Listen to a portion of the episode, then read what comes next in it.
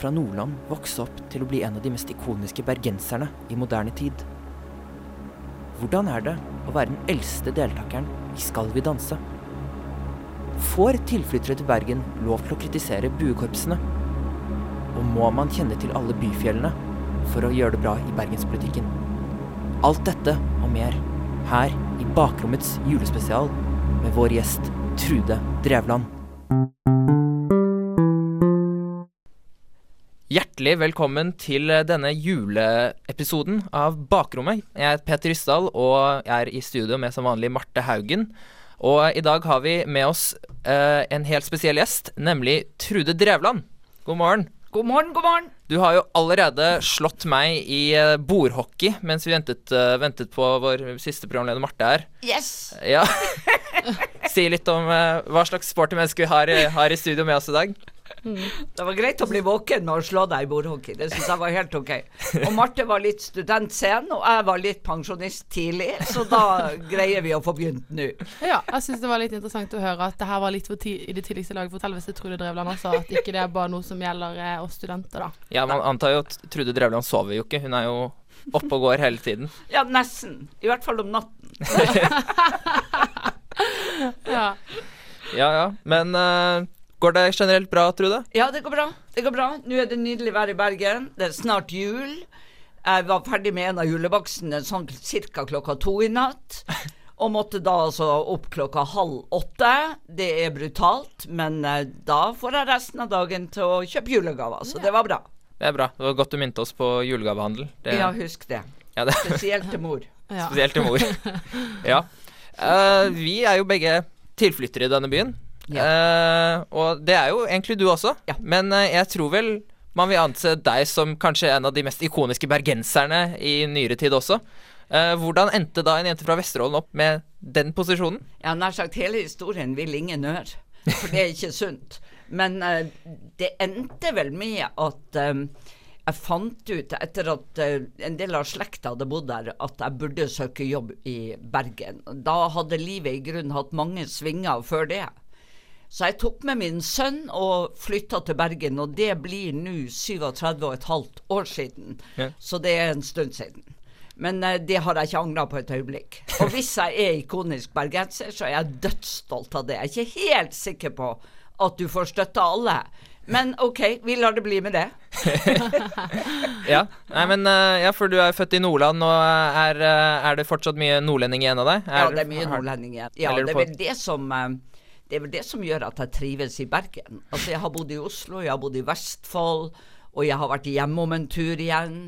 Men eh, aldri har jeg følt meg mer vel, bortsett fra i Nord-Norge, enn i Bergen. Så eh, for de som tror at jeg kommer til å flytte herfra, så nei. Jeg blir her. Stilig. Det er liksom interessant å høre hvordan eh, hvordan en bare kan flytte til en by og få en så sterk tilhørighet til et sted du egentlig ikke har noe spesiell tilknytning til, da, tenker jeg. Ja, i grunnen kanskje. Og jeg har jo aldri tenkt over det så veldig. Det har kommet naturlig. Um, kanskje nettopp fordi at jeg er så gammel at jeg opplevde hvordan østlendinger tok imot nordlendinger i sin tid.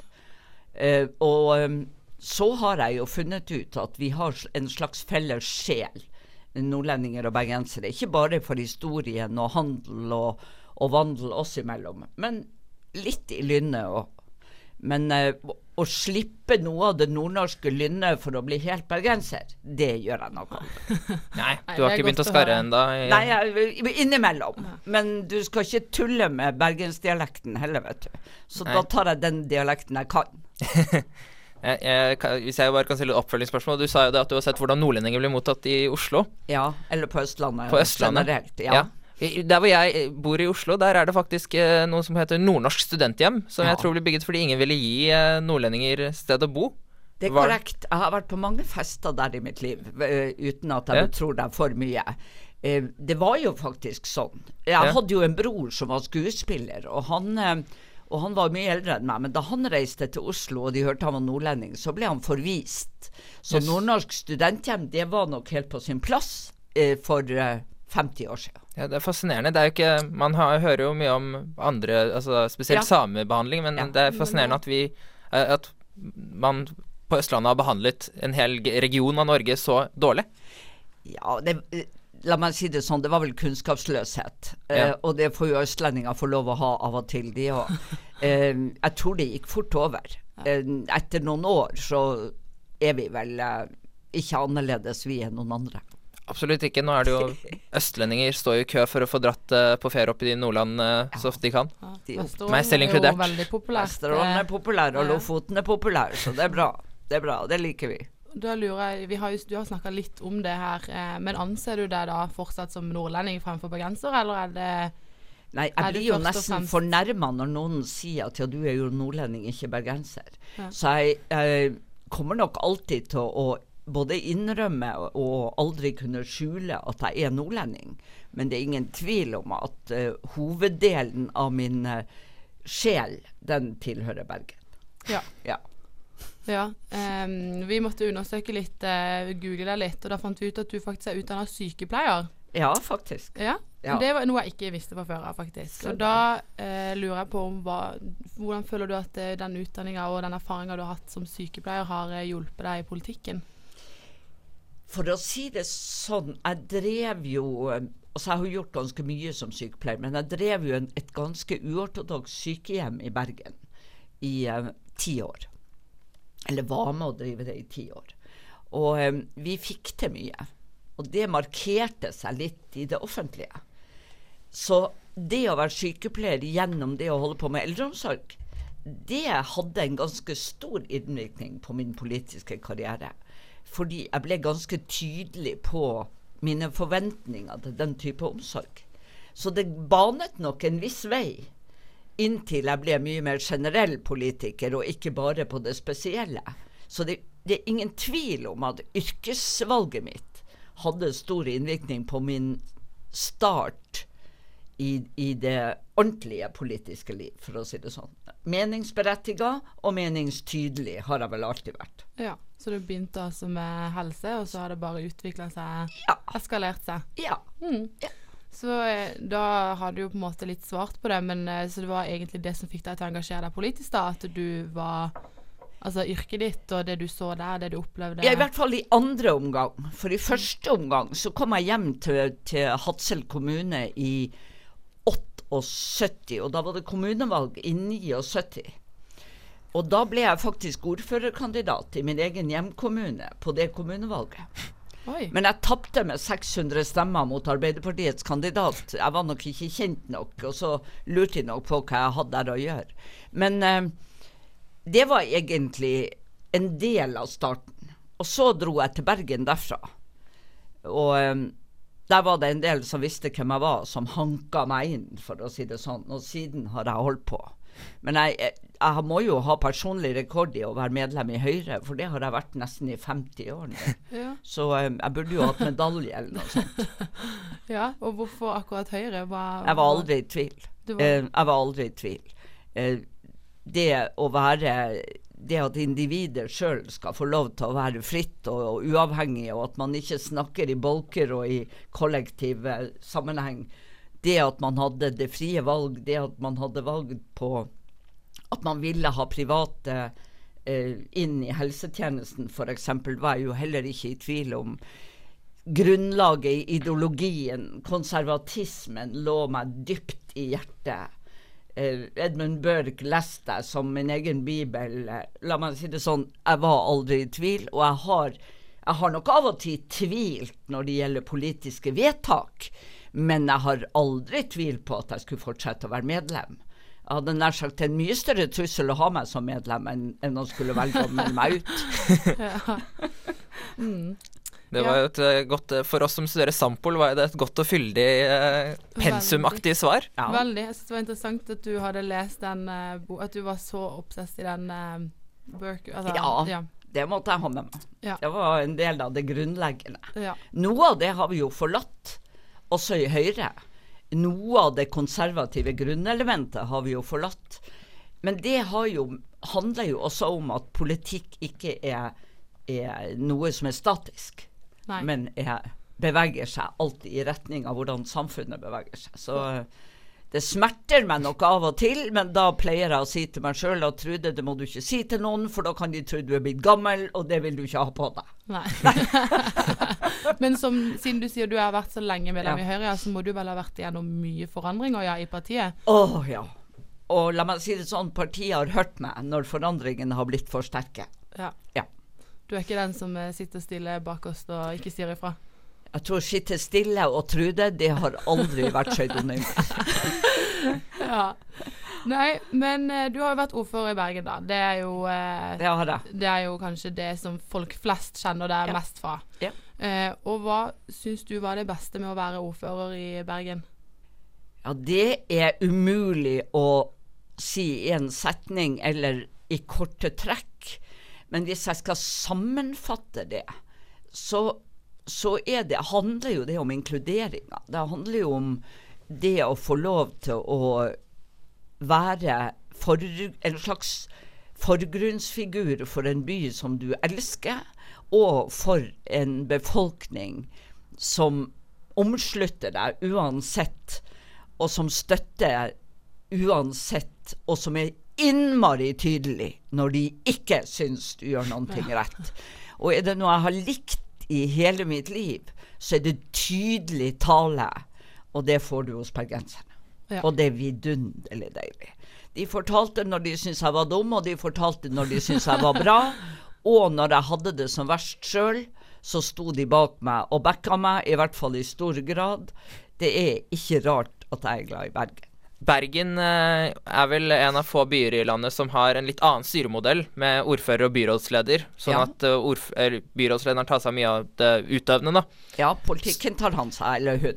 Ja, så Ja. ordfører er vel eh, Det er jo en litt mer sånn ikke symbolrolle, det er jo politisk arbeid i òg, men det er det er en gallionsfigur. Det er en gallionsfigur, Ja. men det er vel litt morsomt å ha nesten en slags Det blir en slags minikongerolle, nesten. Ja, det vet jeg ikke, og det tenkte jeg aldri på, men, men du kan i større grad velge hvilken rolle du tar som ordfører.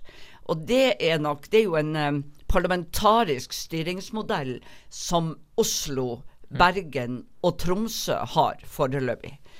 Eh, man kan mene mye om den, men eh, jeg var jo så heldig at jeg hadde Monica Mæland som byrådsleder eh, mye av tida, mens jeg satt både som helsebyråd, som varaordfører, og i begynnelsen da jeg satt som ordfører. Og det var jo en ren og skjær fornøyelse. Da var vi kvinnesterke, det var nå én ting, men vi var sterke, og det var viktig. Så eh, det å være ordfører var i grunnen kjekt, fordi jeg skulle jo også lede bystyret. Det var jo en viktig rolle. Samtidig var det å representere og det å vise frem Bergen en uhyre viktig rolle.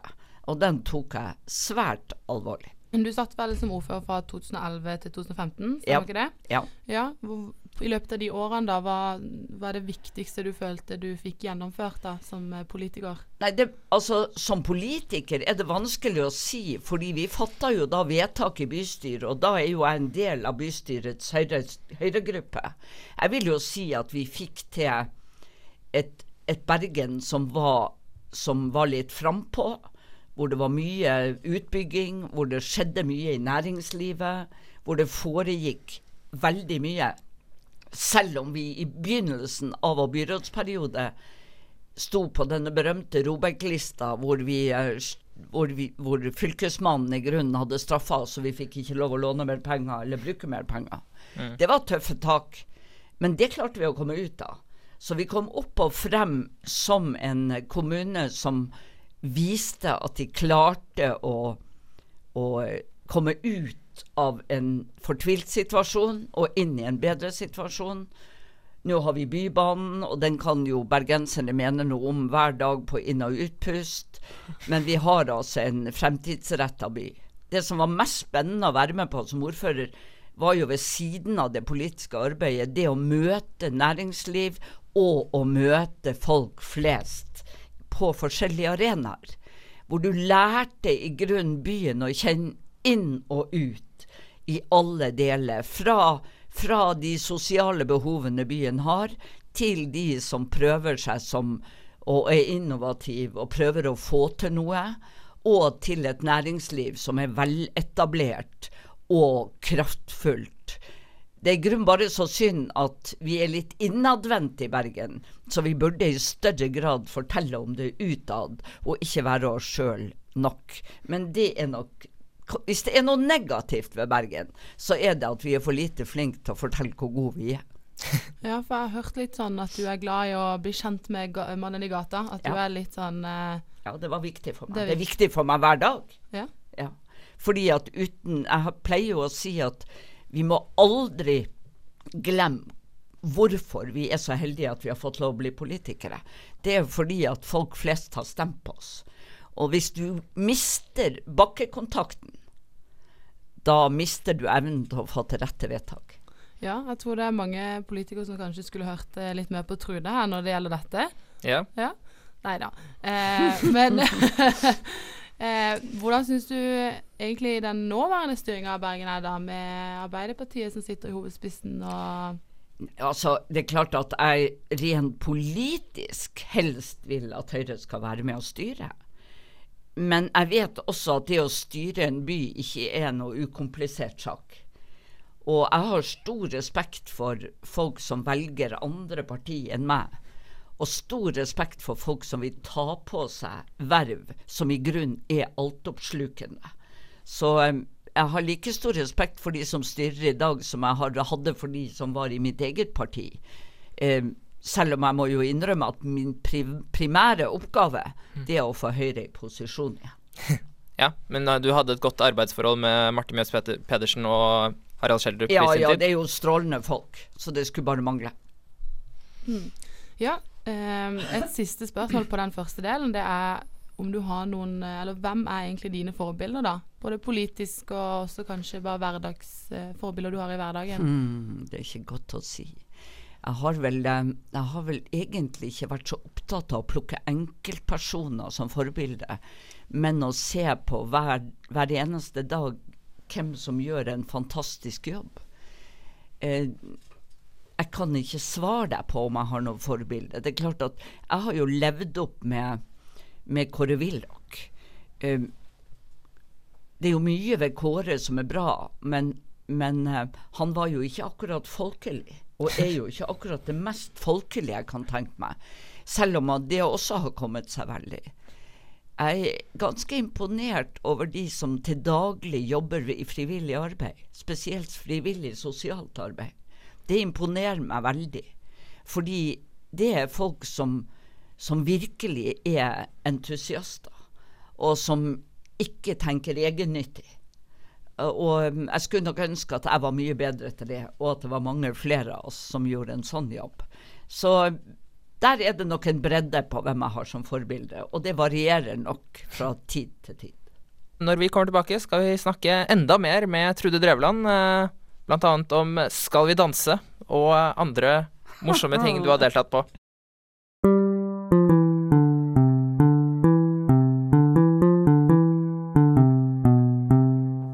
Du hører på Bakrommets julespesial ved Studentradioen i Bergen.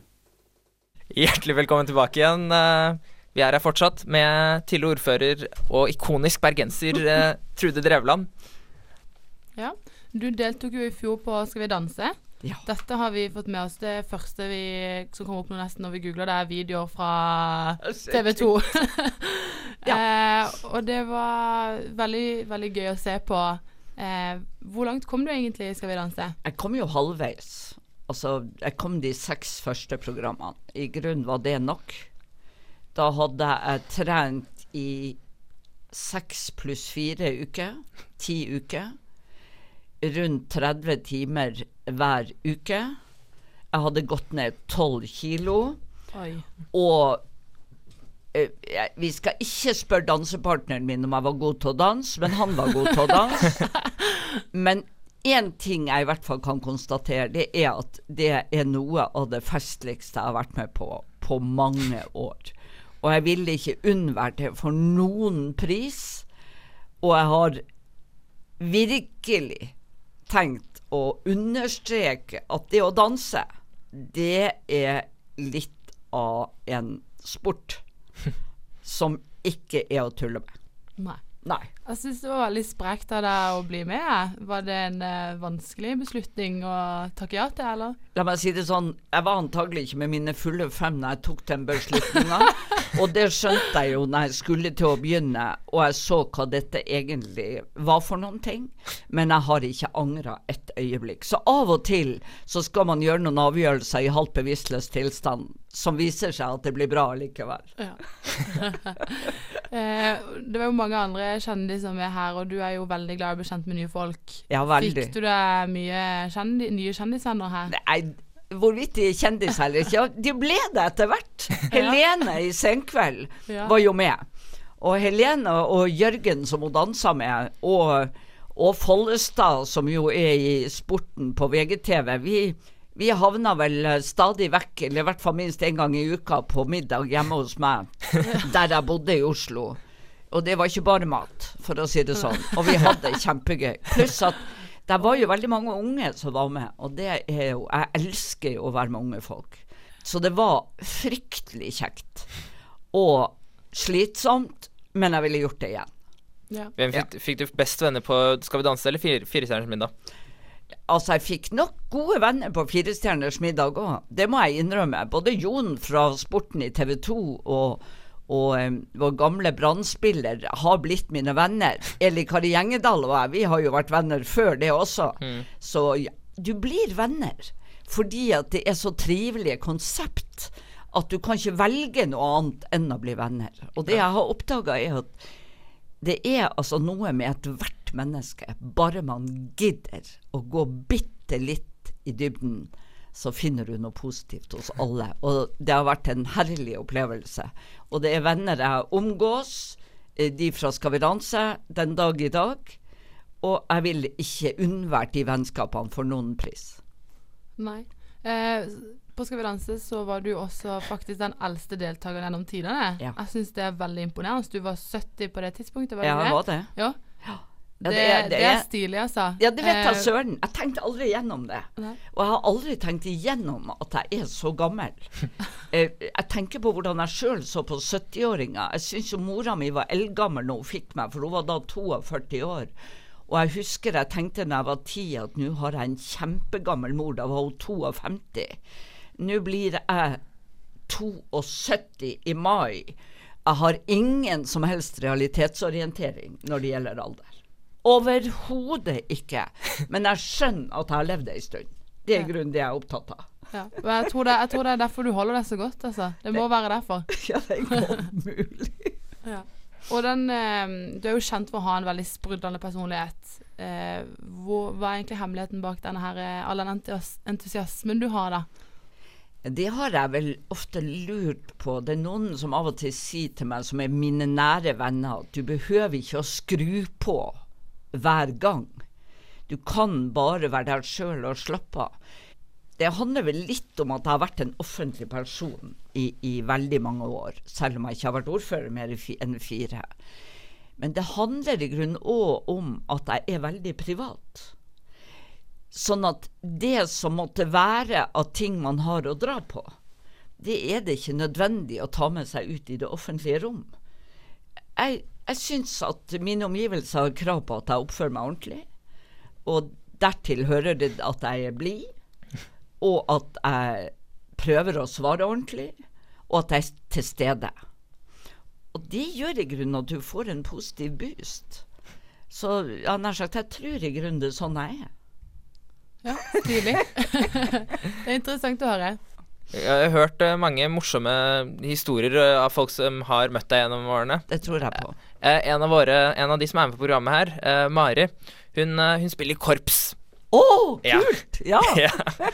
Og du, jeg, du, har vært, du har faktisk vært generalsekretær i Norges Musikkorpsforbund. Det er korrekt. Hun fortalte i hvert fall at hun for noen uker siden spilte, jeg tror jeg, på Torgallmenningen. Ja. Og da fortalte hun at man kan først høre deg. Entusiasme. Kan høre at du er, blir glad når du ser et Ja. korps, før du kommer frem og hyller korpset Ja. som så rettmessig. Hva, er det som er så gøy med korps? Det har vi også stilt, eh, spurt eh, Sveinung Rotevatn om. Ja, Eh, dere har det, ja. ja, ja. altså det, som er, det som er fantastisk med korps, er jo fellesskapet.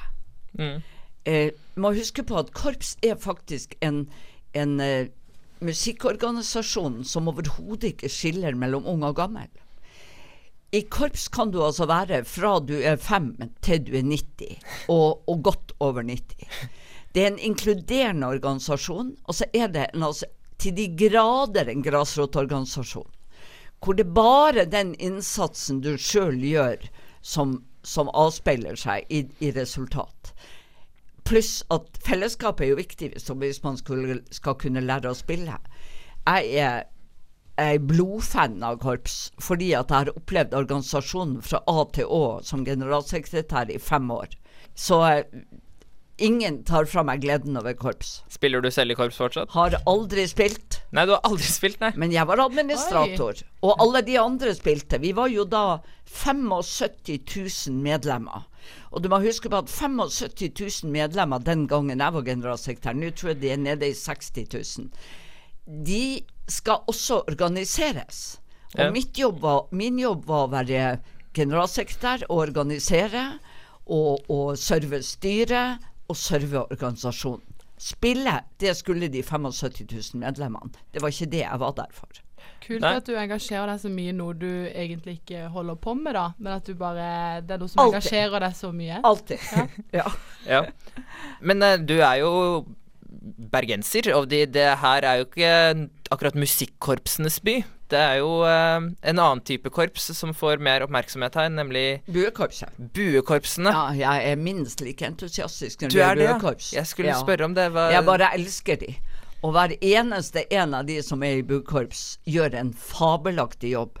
Det er ikke bare det at de trommer når studentene vil, vil, sove, som jeg jo har oppdaget at de gjør. Det var det jeg hadde håpet å få Hver student som kommer til byen og klager på buekorps, han kan i grunn godt reise hjem igjen. Det er min klare mening. Eh, det vi ikke ser, eller det dere ikke ser, som ikke er født og oppvokst i dette systemet, det er at buekorps er lederutvikling. Buekorps er å lære fellesskap. Buekorps er direkte en, en uh, dannelsesreise som er uhyre viktig. Og hvis noen klager på buekorps, så kommer jeg til å utvise de tvert. Da skal jeg ikke klage, men uh, jeg skal heller foreslå kanskje at de begynner De kunne jo begynt litt senere på dagen, da. Kunne de det, ja. Akkurat. Hvis du skal sove til ett og de begynner klokka tolv, så skulle jeg stoppe de fordi du sover? Nei. Da får studentene stå opp og assosiere seg og skjønne at de er kommet til byen med buekorps. Ferdig med det. For øvrig tar du feil når du sier at Bergen ikke er en korpsby. Ja. Fordi brassband, det er Bergen og Hordaland sin sterke side. Ja. Da vin, vi vinner de fleste mesterskap, og, og vi gjør en kjempejobb. Så det er to typer korps i Bergen og Hordaland, og det er buekorps, og det er korps. Ja, da ble jeg satt på plass. Bare så vi har uh, gjort det. Uh, fint, at meg, fint, at du setter meg, på plass, ja, så vi ja, slipper Godt du sier ifra til ja. Så slipper vi klager til PFU og ja, alt det alt der. det der. Det blir bare bråk. Altså. Sitter du, sitter, du sitter forresten i Kringkastingsrådet også, gjør du ikke? Det gjør jeg. Hvordan er det arbeidet? Det er ganske spennende. Ja, det er jo der man ser mange, det er mange som kommer ganske mange morsomme klager til NRK, er mitt inntrykk. Ja. Uh, ja, men så er det folk flest. Ja. Og det er jo derfor NRK er der, som allmennkringkaster. Ja har sagt hvis eh, NRK ikke bryr seg om de der ute som allmennkringkaster, som krever nesten 3000 kroner av oss hvert år, eller mm. kanskje vel det, da blir det bråk. Mm. Så vi skal altså være lytterens forlengede arm, og enhver redaktør og enhver journalist er snydens forbannet for at Kringkastingsrådet eksisterer, for de vil jo ikke se seg i kortene i det hele tatt av noen som helst. Men nå er vi der, og jeg har sagt at hvis de vil legge oss ned, så må de få en bestemmelse på det, så skal ikke jeg være lei meg. Men så lenge jeg sitter der, så skal jeg gjøre en jobb. Punktum. Ja. Når vil du si at man kan kalle seg en ekte bergenser? Hvor lenge må man ha bodd her? Hva må man Det skal man vare seg vel for. Altså, jeg skal i hvert fall ikke som nordlending fortelle deg det. det altså, ikke, det men som visse, tidligere ordfører, da? Kan det, du fortelle nei, meg? det er visse grenser man ikke går over i Bergen. Og det er bl.a. å begynne å tillate seg som nordlending å definere når du er bergenser. det sies jo at det er du først når du har bodd der i tredje generasjon. Nå må jeg jo si at jeg som kan litt av bergenshistorien, kan jo påstå, og så antagelig blir skutt på utsida av døra, at mange av de familiene som, som påstår at de er erkebergensere, de kommer jo fra utlandet. veldig mange familier kom fra Nederland, fra Tyskland, fra ja, you name it, eh, til Bergen og etablerte seg som grenseløse, ekte bergensfamilier. Eh, men de er altså ikke født og oppvokst her i, i alle generasjoner. Jeg ville aldri si noe annet enn at jeg er erkebergenser i hjertet, men om jeg noen gang blir det ellers, det tør jeg ikke håpe. Nei. Uh, før vi tar en liten pause, hva lurer jeg på hva, hva er det selveste Trude Drevland gjør på fritiden sin? Jeg pleier å si at for meg som er politiker, så har jeg ikke fritid. Em, Nå har jeg nok litt mer fritid en stund enn det jeg har hatt på lenge. Og jeg har aldri hatt en hobby, fordi når du har vært heltidspolitiker, så er det å være politiker, det er jobben din, og det er hobbyen din. Det var morgen, middag og aften, og så var det alle helger i partiet som organisasjon. Så det er aldri noe snakk om å ha noe hobby. Men jeg liker godt å lage mat. Jeg elsker å gå på byen og se meg rundt og prate med folk. Jeg har jo barnebarn.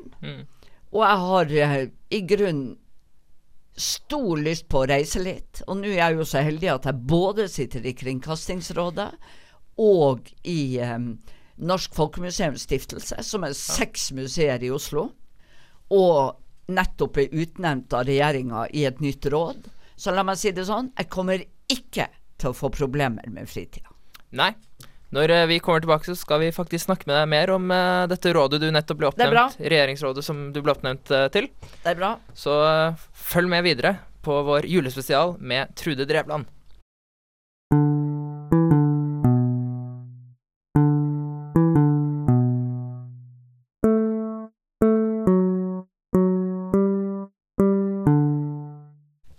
Hjertelig velkommen tilbake til uh, julespesialen til Bakrommet. Uh, Trude, du Ja. ble nettopp, eller for noen uker siden, oppnevnt uh, til å lede et utvalg om et mer aldersvennlig Norge Ja. av regjeringen. ja. Hvordan, hvordan, blir, hvordan går det arbeidet, eller har dere begynt det ennå? Nei, vi begynner ikke før i januar, og, og vi Og det er jo ganske spennende. Jeg merka meg jo da dette ble, det kom på nyhetene, så, så hadde Mathias Fischer, som nå er blitt politisk kommentator i TV 2, han uttrykte at man burde jo kanskje etablere et ungdomsråd i stedet. Og da er det min ærbødige påstand at Rådet for et aldersvennlig Norge er like ungdomsvennlig som det er aldersvennlig. Fordi litt av grunnen til at regjeringen har nedsatt dette rådet, det er å få Norge som helhet, både innen offentlig forvaltning, innen frivillighet, innen næringsliv og you name it, til å forstå at det å være gammel i dag ikke er det samme som det å være gammel for 15-20 år siden. Og en hel del av tilrettelegginga i samfunnet er ikke riktig, er ikke gjort i forhold til det faktum at du skal leve der hele livet. Og vi har jo drevet politisk og snakket om at, at uh, man skal få lov når man blir gammel å bo hjemme så lenge som mulig, og alt høres så enkelt ut. Men ingenting er tilrettelagt for det hvis du ikke gjør noe av det sjøl. Den hovedutfordringa for oss i rådet er jo å gjøre folk som nærmer seg pensjonistalderen, oppmerksom på at det er på tide å begynne å planlegge sin egen alderdom. Det, det er på tide å skaffe seg bolig hvor man kan være så lenge som mulig. Mye av dette er et eget ansvar. Og så lenge Hvis man skulle klare det, så betyr jo det at unge mennesker slipper å være ivaretager av sine eldre foreldre. Fordi det skal foreldrene klare sjøl planlegge, men samtidig må kommuner og, og offentlig forvaltning huske at de må planlegge både bygginger, bygging av hus, eh, hvordan man lager nærmiljø, slik at det går an å leve der et helt livsløp. Det er jo hyggelig for, for unge mennesker med barnevogn å kunne spasere rett ut og slippe å ha mange hindringer. Ja. Det er like interessant og viktig for eldre som kanskje må ha hjelpemidler, å kunne klare seg i et nærmiljø uten hindringer. Ergo må man planlegge for et helt livsløp. Så her er det en jobb å gjøre i hele Norge. Ja. Det, du hadde et godt poeng der. Jeg skulle jo til å si at det er ikke en, dette er jo ikke en sak som kanskje ville angått studenter så mye, men jeg tror du besvarte spørsmålet fra før av der. Ja. Jeg, jeg har lest et sted at du allerede har bestilt plass på oms omsorgsbolig til den dagen du trenger det. Er det sant? Ja, det er sant. Yes. Og det tror jeg er Jeg innrømmer at jeg så en lettelse hos min sønn og min datter når jeg fortalte jeg hadde gjort det. Mm. Uh, og jeg tror vi er mye for lite bevisst på at alderen krever sin rett hos oss alle. Mm. Og at det nok, i hvert fall jo eldre vi blir, når vi blir så gamle som meg, bekymrer våre nærmeste. For hva vil skje? Hva må kreves av meg? Hvordan skal jeg kunne ivareta? Og færre og færre jobber sånn, har det sånn, at de har tid å sette av til eldre foreldre. Og dette må vi se på eh, ganske alvorlig.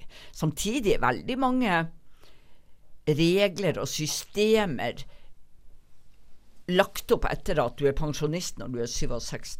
Ja. Det er du jo ikke lenger. Du kan jobbe til du er 72. Men du blir Vi har altså en av verdens friskeste eldre befolkning i Norge. Ja. Og da må mange, bl.a. forsikringsordninger, bankordninger, en masse systemer som er lagt opp etter at du nesten er olding når du er 67, de må endres. Ja. Og gjør de ikke det, så skal jeg være på døra og banke på.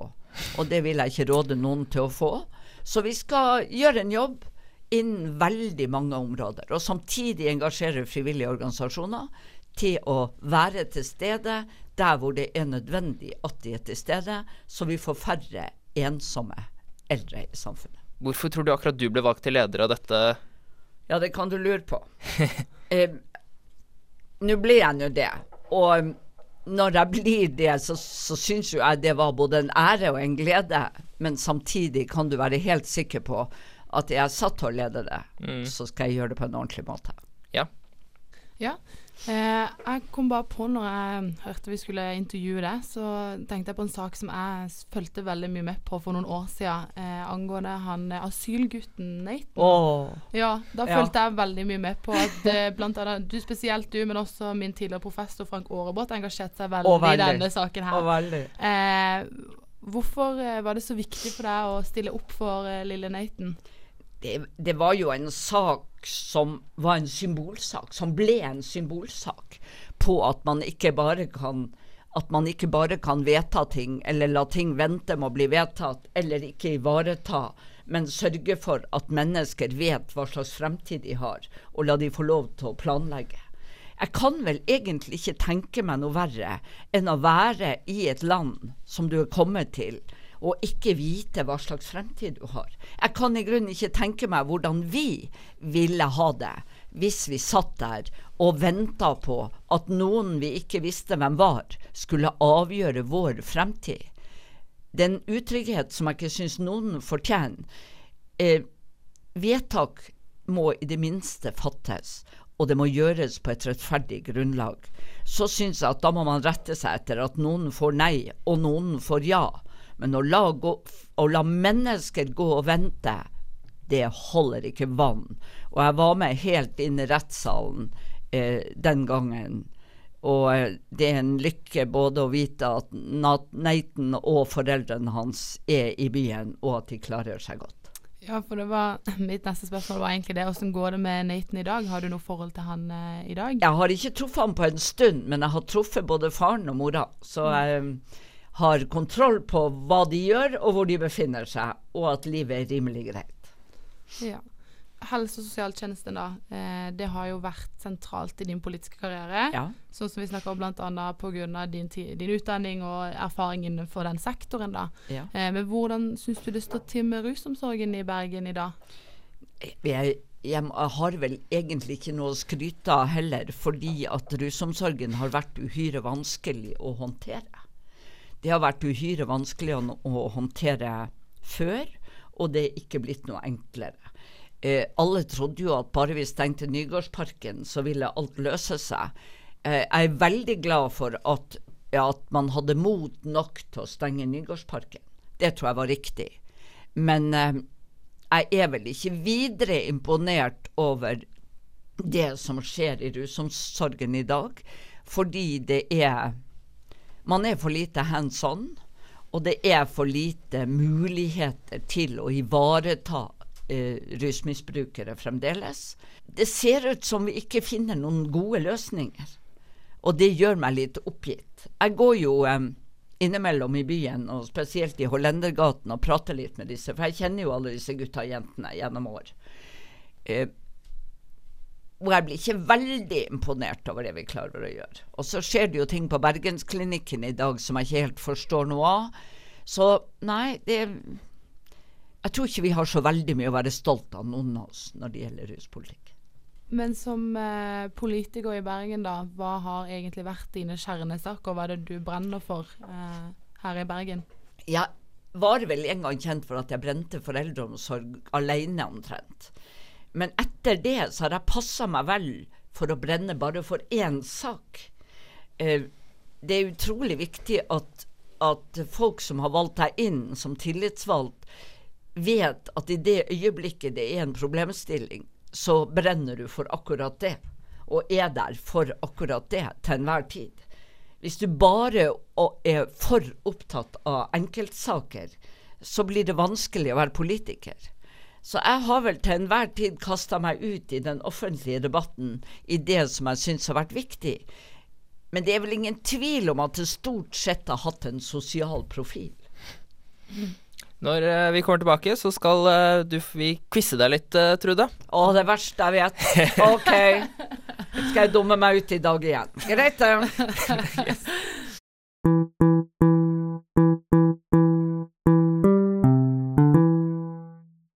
Hjertelig velkommen tilbake.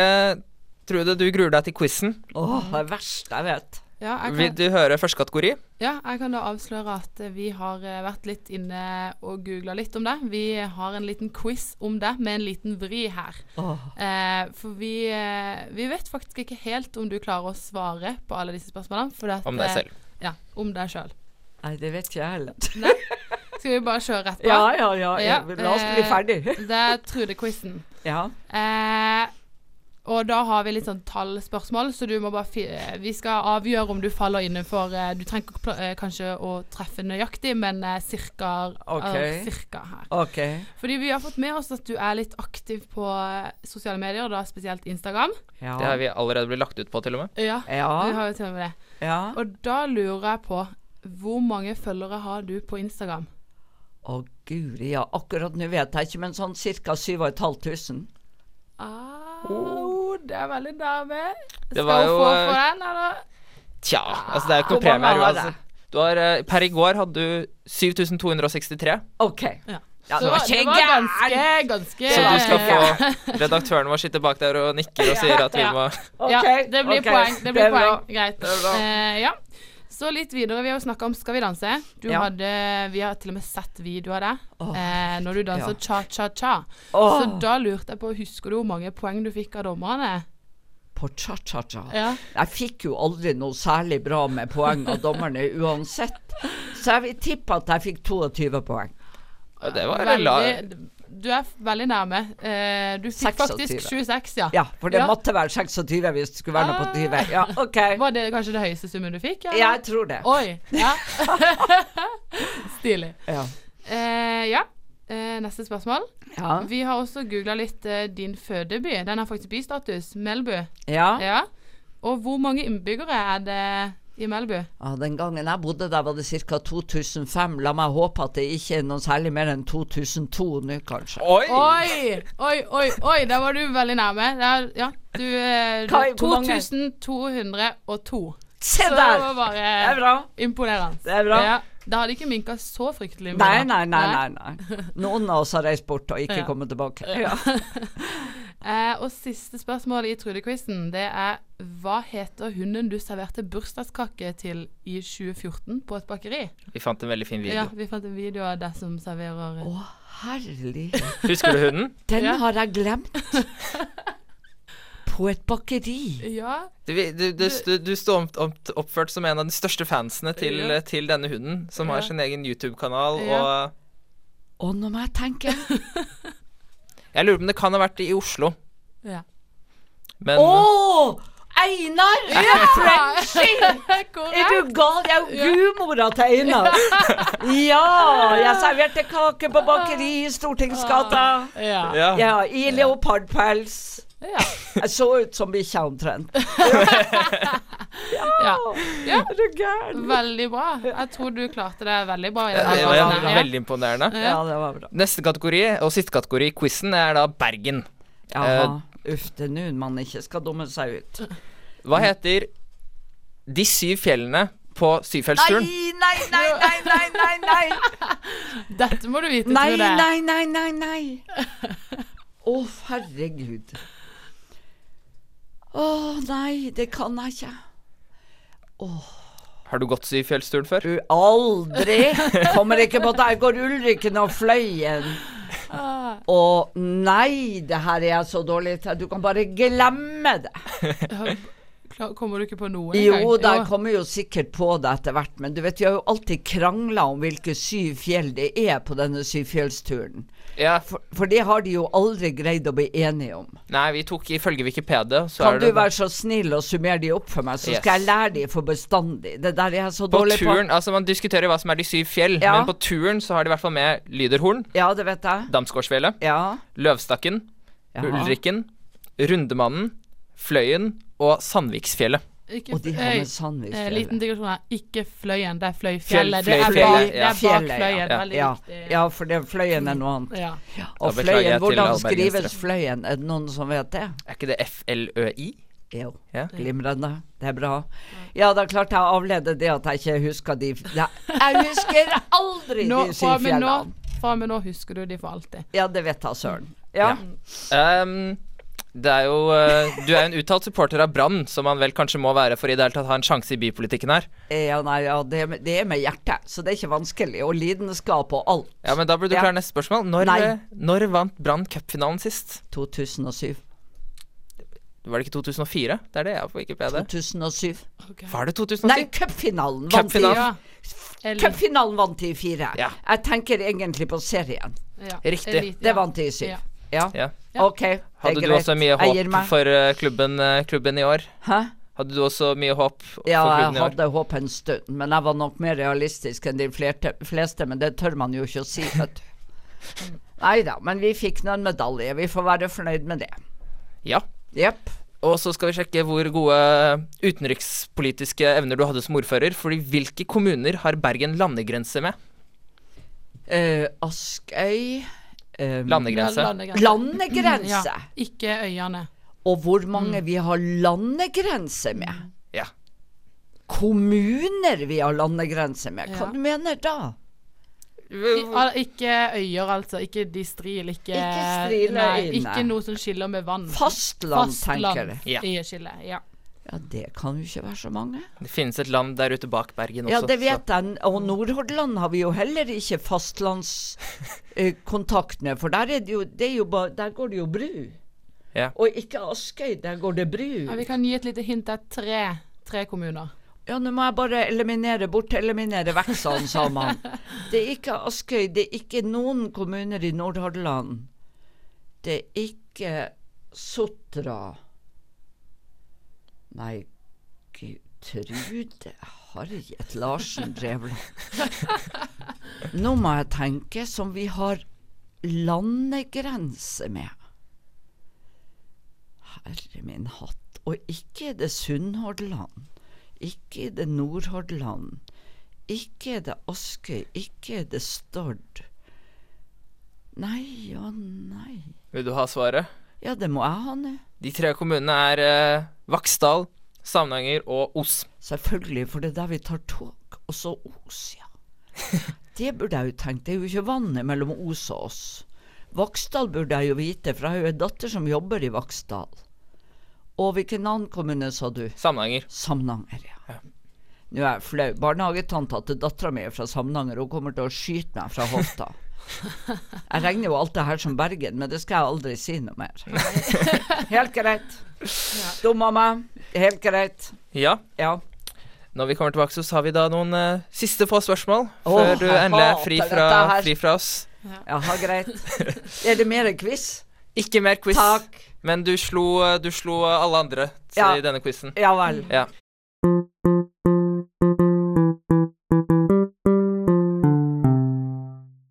Hjertelig velkommen tilbake til uh, Ja. avslutningen vår med i dette som har vært vår julespesial med selveste Trude Drevland. Jeg må jo nå eh, skrive til O Samnanger og Vaksdal og be om unnskyldning. Uff a meg. Ja ja, kom igjen.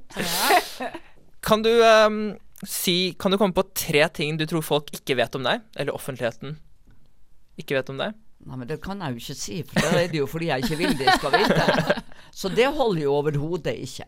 Vi- vi- Ok, mindre kjente sider av deg, da. Ja, det, Skjulte det talent. ene er jo det der med at jeg var sykepleier. Det, er, det har jo gått i glemmeboken hos en del mennesker. Jeg tror det at jeg søstra var søstera til Lars Andreas, det, det tror jeg folk vet.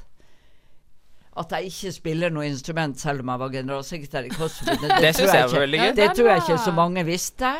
For det er folk like overraska over. Hvor mange barna har, tror jeg egentlig ikke folk eh, vet bestandig.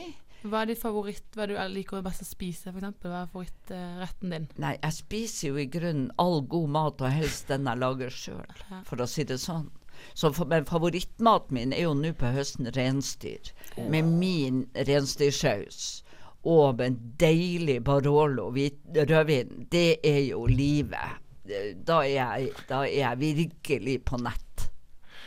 Det høres helt fantastisk ut. Ja, det, er ikke, det kan jeg si det. Når jeg lager det, så er det godt. Ja, når vi er litt sånn inne på uh, mat, og vi er, nå er vi i desember. Eh, Hvordan ser egentlig juletida ut for deg?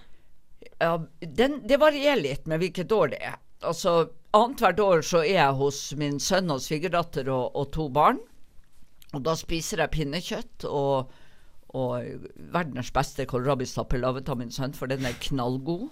Selv om jeg ikke er så veldig glad i pinnekjøtt, så er det veldig godt akkurat den jula. I, i, ellers så feirer jeg den ofte med dattera mi og, og samboeren hennes, og det skal jeg gjøre i år. Og da er det svineribbe med sprø svor. Bare se på Instagram. Der ligger den jeg prøvestekte for noen dager siden. Og hjemmelaga surkål. Og det er ordentlig surkål. Det er hvit surkål. Det er ikke noe sånn tull med noe rødkålsgreier. Og ertestuing. Og så er det god dessert. Det pleide av og til å være å være multekrem, men det blir det nok ikke i år. Det blir nok riskrem med hjemmelaga rød saus. Og jeg koser meg, og hjemme hos meg nå så er det pynta i hver krok, og enda ikke er ferdig å pynte. Og så er det juletre om en uke. Ja. Skulle faktisk til å spørre deg mer om denne ribben som ligger ute på Instagram. Den så jo veldig god ut, eh, men eh, du foretrekker altså ribbe fremfor pinnekjøtt? Jeg er vant til å spise ribbe. Ja. Eh, og det har jeg gjort også i alle år, som sagt bortsett fra når jeg, er hos min sønn. Ja. Så eh, ja, svaret er ribbe. Riktig. Det er, er det vanskelig ting å stå frem med i Bergen, og at man ikke spiser pinnekjøtt på julaften? Jeg, Eller? jeg har aldri syntes at det var noe vanskelig å stå frem med, med å være ærlig. Så og, hva de syns om det, det bryr jeg meg ikke noe om. Ja, det er godt. Um, ja, hvordan ser egentlig Bergens fremtid ut, for, tenker du? Jeg tenker at vi har mye utfordringer. Jeg er jo veldig glad for at vi har eh, veldig mange studenter. Jeg er veldig glad for at vi har et, et eh, fremadstormende næringsliv og mange som, som uh, jobber uh, godt i byen. Men jeg syns av og til at Bergen blir seg sjøl nok. Og vi må nok i større grad vende oss utover. Vi er jo en internasjonal by som trenger forgrunnsfigurer som kjører Bergen i alle sammenhenger. Så vi må nok passe på at vi ikke blir oss selv nok for mye. Ellers så er Bergen fantastisk, og det budskapet er enkelt å selge. Hva synes du om denne Bergen ut av Norge-kampanjen eh, visse medier har La meg si det sånn, jeg har ikke deltatt i den. Nei. Helt til slutt, eh, hvordan ser fremtiden ut for Trude Drevland? Du virker ikke som en pensjonist som har tenkt å gi deg nærmeste fremtid. Nei, jeg greier jo nesten ikke å assosiere meg med ordet pensjonist, og mindre og mindre eh, nå når jeg har så mye å gjøre. Så jo takk, bare bra. Jeg er klar over at jeg har en slags gjennomsnittstid å leve på 10 til 12 år. La meg si det sånn, det har jeg tenkt å gi blaffen i. Statistikk fungerer aldri for meg, og så får vi jo bare se. Det er det faktisk ikke jeg som bestemmer, men jeg har tenkt å gjøre det beste ut av det så lenge jeg eksisterer. Ja, jeg må ærlig innrømme at uh, du er den sprekeste 70-åringen jeg noensinne har møtt, så det skal du ha.